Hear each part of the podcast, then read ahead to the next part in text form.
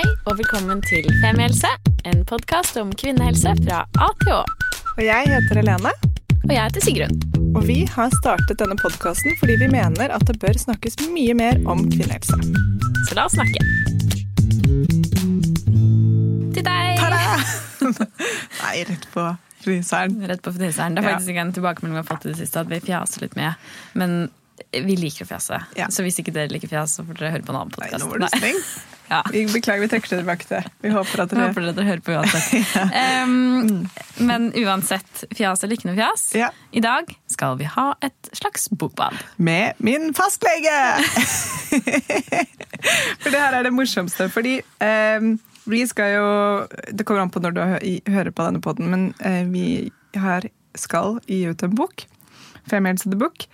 Og da skjønte jeg at på samme forlag som oss, Pitch forlag, så er det da eh, en eh, fantastisk dame som heter Elisabeth Kjølholt, som har gitt ut en bok som heter Akkurat født.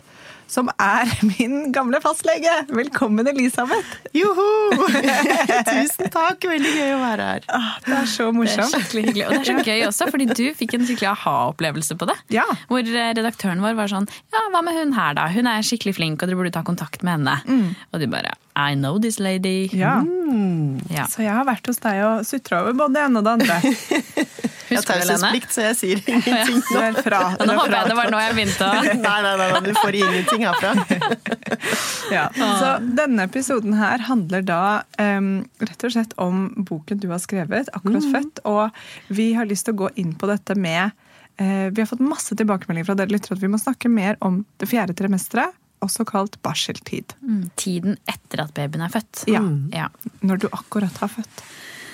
Rett og slett. Nettopp, ja. Og det er jo skikkelig spennende tema, og ut ifra tilbakemeldingene vi har fått, frustrerende for mange. Vanskelig. Um, mye, mange spørsmål, rett og slett. Absolutt. Så før vi begynner å snakke, så har jeg lyst til å bare lese eh, egentlig det første som står i denne boken. For der står det Til alle som har et barneønske. Dette er ikke prevensjon i bokform, selv om jeg forstår at boken kan ha den effekten. Til alle gravide som tenker at nå gjelder det å bare få ungen ut, så er alt tilbake til normalen. Og som så snubler over denne boken, unnskyld. Til de som plukker opp boken i barseltiden, vit at du ikke er alene, og du er min helt. Gjør så godt du kan. Du kan ikke glede alle. Og etter å ha lest denne boken, så syns jeg det er en nydelig oppsummering. Tusen takk. Og jeg ler godt selv av det forordet, er det lov å si? det er lov Det er veldig lov å si. Ingen ler så godt som oss. Som oss. Nei. Nei? Ja, jeg må, som en som ikke har fått barn, som eh, lå og leste denne på sengekanten, så må jeg si at jeg ble litt nervøs. Ja, det var sporty gjort. Ja, fordi jeg ble litt sånn skal. Jeg ble, vurderte helt seriøst sånn, Burde jeg lese dette her nå? Er det liksom lurt? Da gjorde jeg det, da. Men kan ikke du begynne med å fortelle liksom, hvorfor har du skrevet denne boken? Altså Bakgrunnen for denne boken eh, er jo mye min egen kliniske erfaring som, som fastlege. Og jeg har en ganske ung pasientgruppe, og de fleste er i etableringsfasen. Eh, Og jeg syns jo det er en veldig spennende gruppe å, å jobbe med også. Eh, Og da er det svangerskapsoppfølging. Der har de fleste, vil jeg si, ganske god kontroll. Har lest seg opp, for god informasjon underveis. Og så kommer da eh, dette miraklet av et barn, og så forsvinner på en måte Lyset slukkes litt i manesjen, da, og støtteapparatet eh, er ikke der i samme grad. Og så sitter man der litt alene, og hva, hva nå? Fordi som det har blitt sagt eh, vi, mer og mer, heldigvis, at det er jo, det er jo grunnen i barselstiden at jobben faktisk begynner. Eh, Og da er det mange som føler seg alene. Og, det spørsmålet 'hvorfor har ingen fortalt meg dette før?' har jeg fått så mange ganger på denne seksukerskontrollen etter fødsel. Jeg tenkte ja, men da har vi ikke gjort en god nok jobb, da. Tydeligvis. Så det fikk jeg lyst til å gjøre noe med. Det er så fint. Fordi det er I min venninnegjeng så har vi et begrep som kalles mammasjokket. Og det er nettopp det som skjer liksom på fødestuen. Og jeg har heller ikke fått barn, men jeg har sett bilder av venninnene mine på fødestuen hvor de ser bare ut som at det har liksom gått litt opp for dem hva de har gjort. Mm. sånn, Shit, er det dette? Og må jeg passe på denne alene? Og hvordan skal jeg kle på den? Og det er jo mange historier som er sånn morsomme i ettertid, sånn som eh, en venninne av meg som kom hjem fra sykehuset, og så gikk det liksom en, et døgn før hun plutselig bare har du skiftet bleie? Og bare Nei, har du skiftet bleie? er det noen voksne her? Ja, er det noen voksne vi kan ringe til? Og så hadde begge to glemt å skifte bleie, men det var jo ikke noe problem, for den babyen hadde liksom ikke Den hadde, hadde ikke begynt skjedd ennå. noe. Den hadde ikke Nei kommet da. helt i gang. Nei da, de hadde nok merket det. Ja. Har ikke du faktisk også et foto hjemme hos deg, Helene? Jo. Og det er veldig gøy, hvor det, det er liksom en liten baby i en kuvøse som er liksom i fokus i linsen, og bak så Ja. ligger en av dine venninner og ser sånn med Ja. vidåpne øyne på dette Ja, lille miraklet. ja. Nei, det er et mammasjokk. Det var godt beskrevet. Ja. Men som du også skriver her i starten, at liksom, tror du eh, at mange egentlig på en måte har fått informasjon om hva som kommer, men som kanskje liksom ikke har tatt det helt inn over seg hva, hvordan det faktisk kommer til å bli? Det er et poeng det, altså, fordi øh, om du går til jordmor på helsestasjon eller, eller fastlege, jeg i hvert fall setter av tid når det nærmer seg termin til å ta en liten Har du på en måte tenkt om hva som skjer når barnet først kommer? For de fleste er jo så veldig opptatt av bare på en måte få den ungen ut. eh, Og så skal man på en måte komme tilbake, få kroppen tilbake. Um, Så de er, det er få som egentlig er veldig mottakelige, da, fordi de er, de er i en annen mindset. Og man vet ikke før man har blitt mor hva det faktisk innebærer med, med hode og, og kropp. Uh, Så, så, så det er jo jeg er jo veldig fan av denne seksukerskontrollen, og jeg kunne godt tenke meg at man tok inn kvinnene tidligere også. Eh, For, for, for det er veldig mange som er alene, og, og mange som ikke har tenkt over liksom nettopp hva om denne forventningen de har da, til hva mammalivet skal være, og hva det også betyr for eget liv og for samliv, er på en måte hva det handler om uh, i forhold til hva som faktisk blir fakta. Uh, Og for mange da, den kontrasten uh, kan være ganske sterk. Eh, Og også ganske vanskelig å si ifra. Liksom at hei, det var, det var jo ikke sånn det skulle bli. Nei. Prevensjon i bokform. ja, ikke sant? Men, nei, fordi, og så er det jo noe med at uh, ja, Nå snakker jeg bare på vegne av alle venninnene mine. ja. Men det de aller fleste sier, at det er jo den, de første liksom, tre månedene, og så kommer det et skifte, og så går det bedre. Eh, men de tre månedene, hva er det man kan hva er det man burde forberede seg på? Eller så er det noe man kan gjøre, eller er det bare Fordi Altså, tre måneder er jo lenge. Jeg Ja, må si det det. Og det er jo sinnssykt lenge. ja, Det er intense tre måneder, ja. Ja, og kanskje lenger for noen også. Ja, eller, og da tenker jeg, fordi um, man vet jo ikke hvordan det vil bli, og det vil jo være individuelt for alle, men jeg, det jeg også har hørt er at min hypotese er litt sånn at veldig mange sliter med det nettopp å miste fullstendig kontroll. Og derfor så er det ikke så egentlig så mye du kan gjøre for å forberede deg, fordi det er, det er der issue ligger. Kjempepoeng. Og det, det er jo kanskje noe av det, det jeg forsøker å, å nå frem med også litt i boken. At det er på en måte Det meste er, eh, er naturlig, det meste er forbigående. Man må bare forsøke å rokke og rulle litt med det. Og selv om det ikke virker sånn i situasjonen, så går det over. Det, får, det, blir en ny fase, og det blir noe annet, men det blir mindre intenst. Så det å på en måte tillate seg å, å være hjemme en dag, da, hvis du, hvis du syns at det å gå ut er forferdelig skummelt, så bli hjemme. Jobb litt med at det er greit. Eh, Man skal på en måte ikke fikse alt på en gang, og det er jo nettopp det tapet av kontroll, for er, de fleste er så innmari vant til å gjøre det. De er så vant til å mestre. Eh, Og så er det en helt ny sjef eh, med en timeplan som du ikke får på forhånd. Det skjer der og da, og det må man bare forholde seg til. Og det å, å senke skuldrene litt i at sånn er det akkurat nå, eh, og, og heller rulle med det enn å, å kjempe imot, det, det tenker jeg er kjempeviktig. Men kan du si litt om liksom, hva du opplever eller tror er på en måte de største sjokkene for folk? Eh, altså Bortsett fra litt det tapet av, av kontroll, så er det, er det på en måte hvor ekstremt fysisk det fremdeles er at du har barnet på deg. eh, Om du får til amming eller ei. Eh, Barna er på deg, det er med deg hele tiden. Eh, Og, og litt den, det som mange tenker, at liksom nå, nå, nå er jeg ferdig med svangerskapet, nå skal jeg få tilbake kroppen. Du, du får den ikke tilbake på en god stund. Eh, Og sånn er det på en måte. Og, og så tror jeg eh, i forhold til det med amming også hvor tidkrevende det er, hvor komplisert det kan være, og at man faktisk noen ganger ikke får det til. Det, det kan også være en sorg for mange at man tenker at en ammende mamma er en god mamma, og det er, det er jo det enkleste. og og, og vi vet jo på en måte alle mulige fakta, men, men det blir jaggu meg normale barn av de som får flaske også. Men det er fint. Ja, fordi det mm, Det er så mye sjukt. Jeg er jo midt oppi det nå, ikke sant. Nå er jo, Jeg blir jo 34 om tre dager. Så- Tre dager? Ja, hvilken dag er det i dag? Tirsdag? det var jeg ikke to dager. på. Oi, oi! Ja. Så nå er jo mine venninner i gang med noe. Jeg får tenke litt på det. Jeg ønsker meg signert eksemplar av boken akkurat født. Det kan vi ordne. Yes. Um, men det, ikke sant? Så de er i gang med nummer én og to og tre. Um, for å høre liksom alle disse hvordan de første, Først så har du ikke melk når du kommer hjem, og så plutselig bare peo, kommer melken etter noen dager. Som også var nytt for meg. Jeg trodde at den kom i graviditeten. Og så er den altså at, Og at det å få det sugegrepet på en sånn nyfylt pupp er jævlig vanskelig. Fordi den da er sånn stor som en sånn oppblåst ballong, så, så babyen får liksom ikke Det er som at den prøver å sutte på en fotball. så den får ikke tak, ikke sant? Fine bilder. Ja, jeg bare jobber med det. At det liksom, og så må du da nesten pumpe deg først for å få ut litt melk, og så Mm. bare ah, Det virker som at det er så mange sånne um, hva skal jeg si, små detaljer, men som er kjempestore Mm. Og det der og fyller, da. det fyller hele dagen. Ikke sant? Triks? Ja, Herregud, hva hvis man ikke kan disse triksene? Jeg visste ikke om denne fotballen og pumpingen, liksom. Jeg lærte den på lørdag. Oi, shit.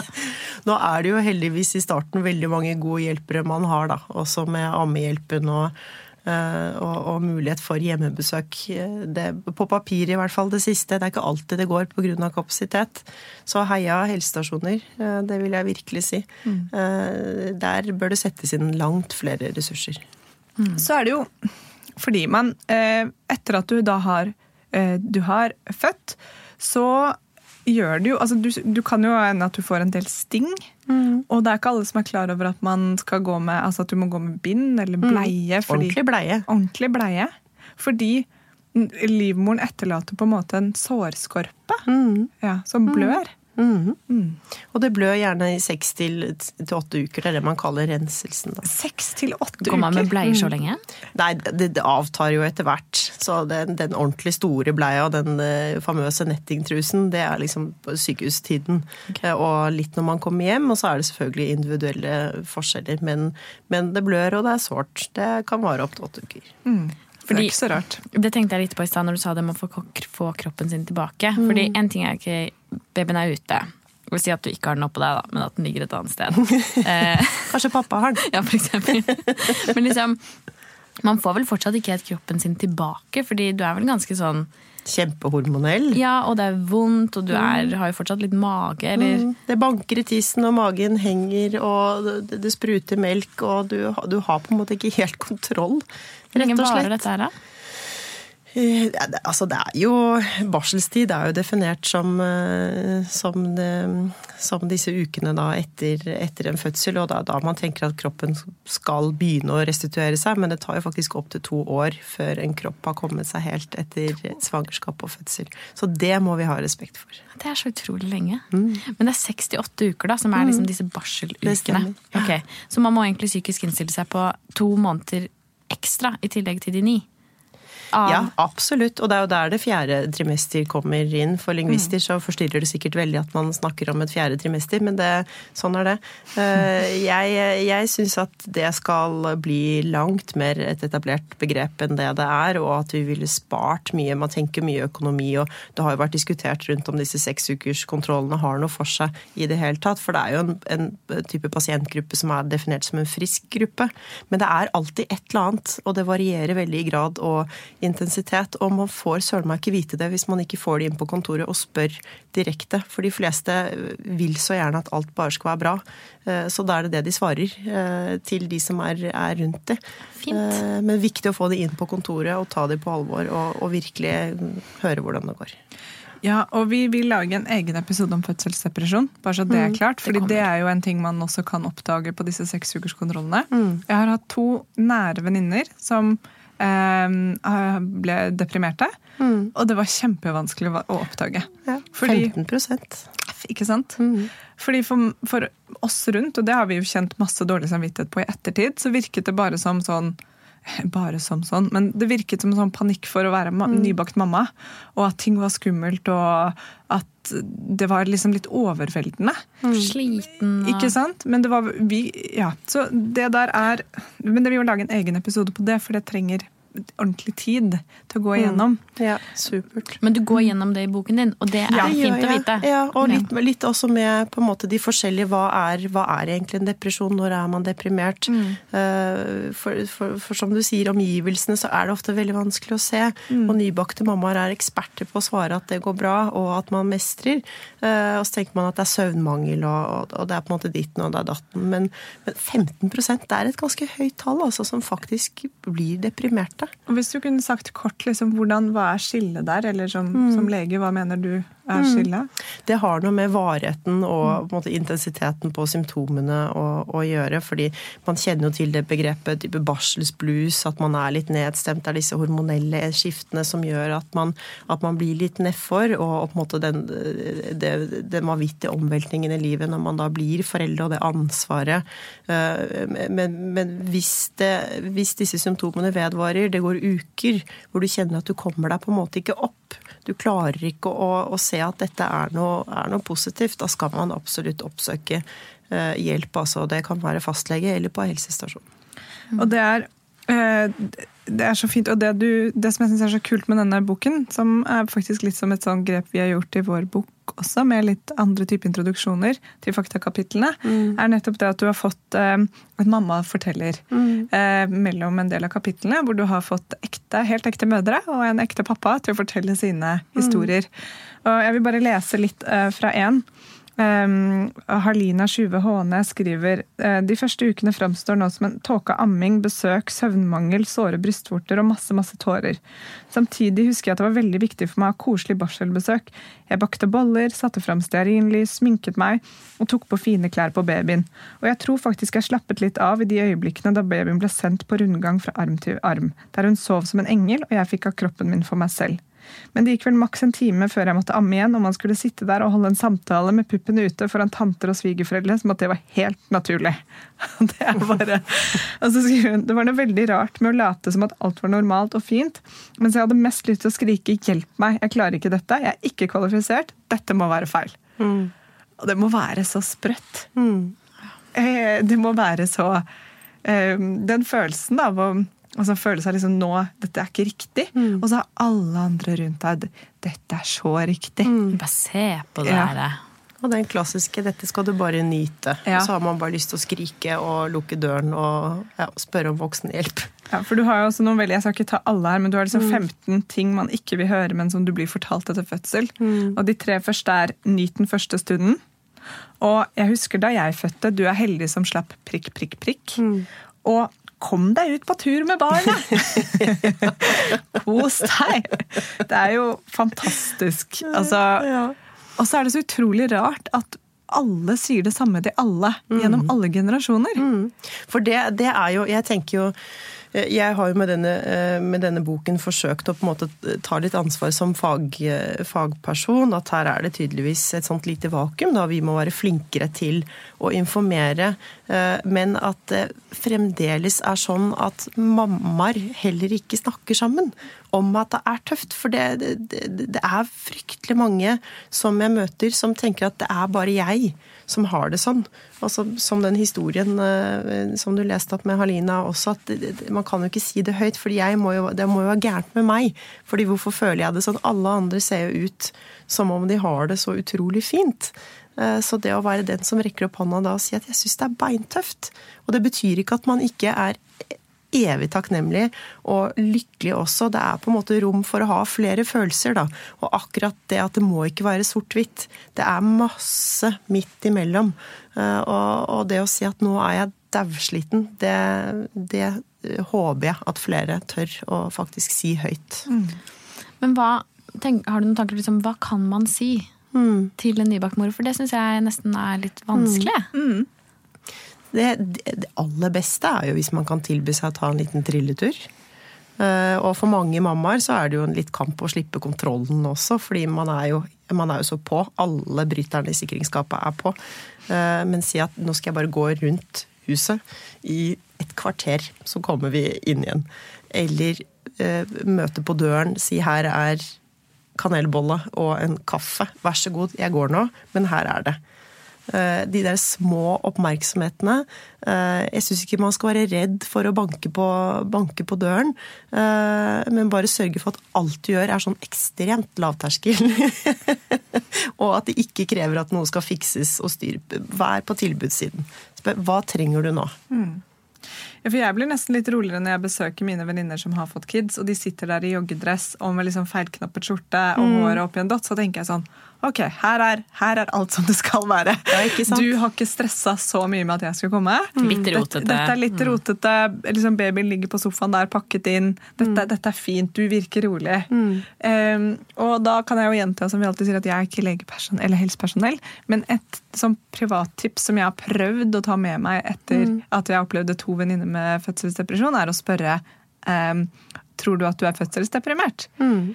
Og være sånn superdirekte på det. Mm. Og, og, og, da kan man jo få mange interessante svar sånn Nei, det, det er jo mm. ikke Eller ja, ja, bare steg litt på det. Mm. Det er bare, Sånn ville jeg gjerne likt å bli spurt. Da, fordi mm. da, da, er det sånn, da er det helt åpent. Og så kan man si nei, det er jeg ikke, men jeg er skikkelig sliten nå. Mm. Eller jeg er livredd. Eller ja. i forhold til, Nå tenkte jeg mest litt sånn praktisk, ja, ja, men, det, men, men det, det syns jeg, det synes jeg var veldig fint sagt. For det er noe med å ikke gå så mye rundt grøten. Eh, det har ikke mammaen energi til, til heller, men, men, bare, egentlig bare fortelle hva man ser, da. Mm. Og så er det jo opp til vedkommende å på en måte ta imot den invitasjonen eller avvise den. Mm. Eh, men jeg tror de fleste vil føle litt lettelse ved å på en måte bli konfrontert litt med situasjonen, og, og også at man blir liksom fritatt litt, og at man også står fri til å si at ja, vet du hva, det her går ikke så veldig bra. Ja, og da er jo viktig at oppfølgingen er ok, da skal vi hjelpe deg. Ikke sant? Da, da skal vi steppe litt opp her. Hva trenger mm. du? Skal jeg ta ut av oppvaskmaskinen? Skal jeg gå på butikken og handle? Skal jeg mm. vaske gulvene? Skal jeg bli med deg til legen? Ja, ikke sant? Ja, ja. Altså, og liksom hele den biten mm. der, da. Mm. Ja, Mm. Det, er så, det, er så, det, er så, heftig periode. Altså, sånn, den barselperioden er, sånn, den er så intens. da. For alle jeg kjenner som har vært oppi den, så virker det bare mm. som en sånn Det er jo en boble i livet. Det er absolutt en boble, og den er jo ekstremt sånn, høyfrekvent eh, på alle mulige vis. Og man kan ikke sagt. forberede seg. Altså, det er dritskummelt, da, hvis jeg skal være helt ærlig. Ja, men, og det tenkte jeg skulle si i sted, at det er, jo, det er, jo, veldig mange som har en fin barselstid òg. Det er litt viktig å, ja, å ha med. På. For det fordi du, her, Den er jo ganske negativ, denne boken her. Altså, ja. Sånn sett er det veldig realistisk, da. Ja, jeg liker realistisk bedre enn negativ, hvis ja, okay. jeg kan velge. Jeg trekker det tilbake. Jeg beklager. Jeg er enig, jeg er enig realistisk. Jeg trekker det tilbake. Feil ordbruk. Men ja, realistisk. Det er noe med å kalle en spade for en spade, da. Ja. At dette her kan faktisk skje. Eh, og samtidig også forsøke å normalisere litt at hvis det skjer, hva gjør du på en måte da? En del ting kan man håndtere helt fint selv, men når er det på en måte man går litt over en grense og man faktisk trenger hjelp? Og så tror jeg ikke man kan få nok informasjon. Rett og slett. Og det, eh, og det å, ha på en måte en viss kjennskap til hva som kanskje kan skje, vil gjøre det enklere, eh, er min mening, å stå i det hvis det faktisk skjer. Mm. Eh, og også vite at du er jo langt fra alene. Og det meste er forbigående. Mm. Og der er det jo, Jeg har jo hatt venninner som bare for å følge opp det, har hatt kjempefine barseltider, og så har det blitt et helvete senere. Nei, da, men, Ting går i bølger. Du er aldri trygg. Aldri trygg. På barn er ikke en lykkepille, for å si det sånn. Nei da. Jo da. Men det er, det er, jeg er helt enig, det er kjempeviktig å liksom snakke om dette. og det er jo derfor vi lager denne episoden, og det er jo derfor du har skrevet denne boken. Mm. også, at det er som bare, La oss adressere at man går inn i noe som potensielt kan være litt uh, røffere enn det man hadde sett for mm. seg. Og så um, jeg vet ikke om man kan forberede seg så mye, men kanskje forberede seg på nettopp det du sier med liksom altså, tenke at dette mm. blir som det blir, og prøve å senke skuldrene. Det, det er noe med disse forventningene, da. Jeg tenker at, at altså, En del av de eksemplene jeg tar opp, er jo, er jo, ikke av de vanligste, så jeg forsøker på en måte å rangere det litt etter hva er på en måte det hyppigste, og hva er litt mer sjeldne. Men jeg syns det er viktig å ta med, ta med hele spekteret. Eh, for det er ganske mange mørketall også i forhold til de, de mer alvorlige fødselsskadene som jeg syns er viktige og på en måte løfte litt frem. Eh, eh, men, men i hovedsak, liksom, hvis boken kan være et sånt lite kompass da, i denne barselsjungelen, og, og, du får på en måte pekt ut en retning, eh, så, så, så tenker jeg at da, det, da, da, står man litt tryggere i det underveis også. Mm. Mm. Jeg tenker litt sånn, Du sier jo veldig dette fint med at liksom, man er jo virkelig ikke alene i den situasjonen. Mm. Og veldig mange er jo bokstavelig talt heller ikke alene, for de har jo en partner mm. av en eller annen type. Og hvordan kan man kanskje liksom inkludere partneren, eller liksom føle seg enda mindre alene i dette? Da, om at, det er, at man er to om dette lille, vanskelige prosjektet? Ja, det er et kjempe, veldig viktig innspill, fordi man er jo faktisk to. Eh, og, og der tenker jeg også Jeg forsøker å få til på en måte en liksom felles samtale også på tampen av svangerskapet, hvor jeg oppfordrer veldig far til å være med. Eh, fordi det, det kan være ganske fortvilende å også være nybakt pappa og også prøve å finne på en måte sin nye rolle og være like vettaskremt eh, som mor. Men, men, det er på en måte i forhold til det rent fysiske så er det jo klart mor som har en helt annen reise enn far, men emosjonelt sett så er jo far veldig med. Eh, og, jeg tror at mange kvinner opplever at Eh, de ikke kan slippe opp litt kontroll. Da. At man ikke kan gi litt ansvar til, til far, og at, at, at, pappaen på en måte blir litt ekskludert. Eh, og at hele familien hadde hatt, hatt godt av at pappaen fikk lov til å slippe litt mer til og også ta litt mer ansvar. For det, er, det tror jeg veldig mange pappaer vil. Mm. Og, og, og, men da å snakke litt om det, nok en gang snakke litt om det i forkant. Det er ikke sikkert det funker, men da har man i hvert fall planta et eller annet lite, lite frø. Eh, for det er pappaen, da. Mm. For det er det jeg også sitter og tenker litt på, at liksom, det, jo, det, er jo litt vår eh, jobb som kvinne også. Mm. eh, dele på denne, mm. dette prosjektet, som jeg nå har valgt å kalle barn. Eh, jo, men, jo, men, bare, jo, men, litt, da. At man liksom ja. har litt eget ansvar også for, for, å mm. både snakke og dele og be mm. om hjelp, og ja. at det er noe av det vi kan gjøre for at det kanskje skal bli litt lettere. Men jeg tenker, hvis man har en har du noen oppfordring til partnere på en eller annen måte? Altså Hvordan mm. de kan bidra til at barseltiden blir litt lettere på en eller annen måte? Mm. Jeg, jeg, tenker jo at jeg har jo veldig tro på litt den direkte, direkte eh, kommunikasjonen. Og at man kan si at nå vet jeg at du er sliten, nå har du vært våken i hele natt. Det har mest sannsynlig pappa også, men det er en annen fysisk reise. Eh, å si at vet du hva, nå går vi ut. Nå skal du sitte der, gjør på en måte hva du vil, men nå går vi ut. Det er en halvtime. Dette går fint. Vi er her, vi gjør det sammen. Mm. Det er fint. Ja. Og jeg tenker at dette Vi kan jo si at det er mammasjokket, men også liksom partnersjokket. Mm. Fordi den som ikke har båret fram barnet, vil jo kjenne det som du sier, både fysisk, men kanskje også psykisk i begynnelsen på en annen måte. Um, og der har det vært veldig forskjellig hos mine venninner hvordan mm. pappasjokket eller partnersjokket har, har blitt liksom gått igjennom, da.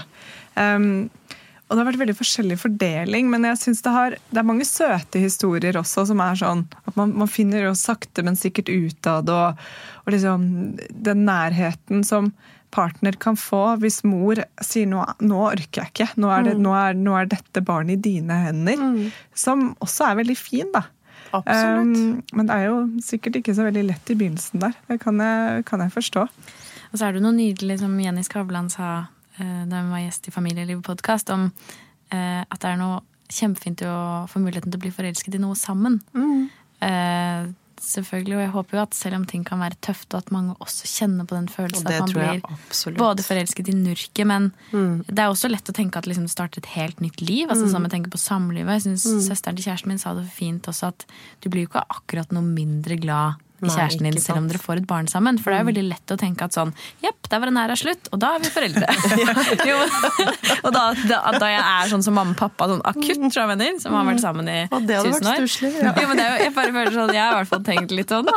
Ja, ja, ja. Så av og til syns jeg det er litt deilig ja, at, noen er, at noen er Faren din er ganske søte sammen nå, ja. Ja, mamma og pappa er faktisk veldig søte. Um, det er goals. Det er, det er fakta. Det er men um, Nei, men poenget mitt var mer sånn av og til så syns jeg det er hyggelig at noen er, eller fint at noen er litt positive. Mm. Og Kristin Gjelsvik snakket også om det eh, på en Insta-story, hvor han før hun skulle føde, at hun grudde seg så voldsomt fordi det var så mm. mange som snakket om hvor tøft det skulle bli. Mm. og alt man kunne gå gjennom. Men så hadde hun fått én melding på Instagram av en jente som sa sånn Gled deg. Ja. Dette er den råeste opplevelsen du kommer til å gå gjennom noensinne. Og hun trengte bare den ene meldingen mm. eh, til å kjenne sånn yes, mm. dette her, vet du hva, det blir spennende. Mm. Og det er viktig, det må jo ikke bikke over på en måte til at det bare er, eh, det bare er elendighet, for det er det jo langt derifra. Eh, men det, det, det er et lykkehelvete, og man har plass til, til veldig mange følelser. Mm. Uh, og, og, og, det er et det, altså det er det fineste fellesprosjektet man noen gang har.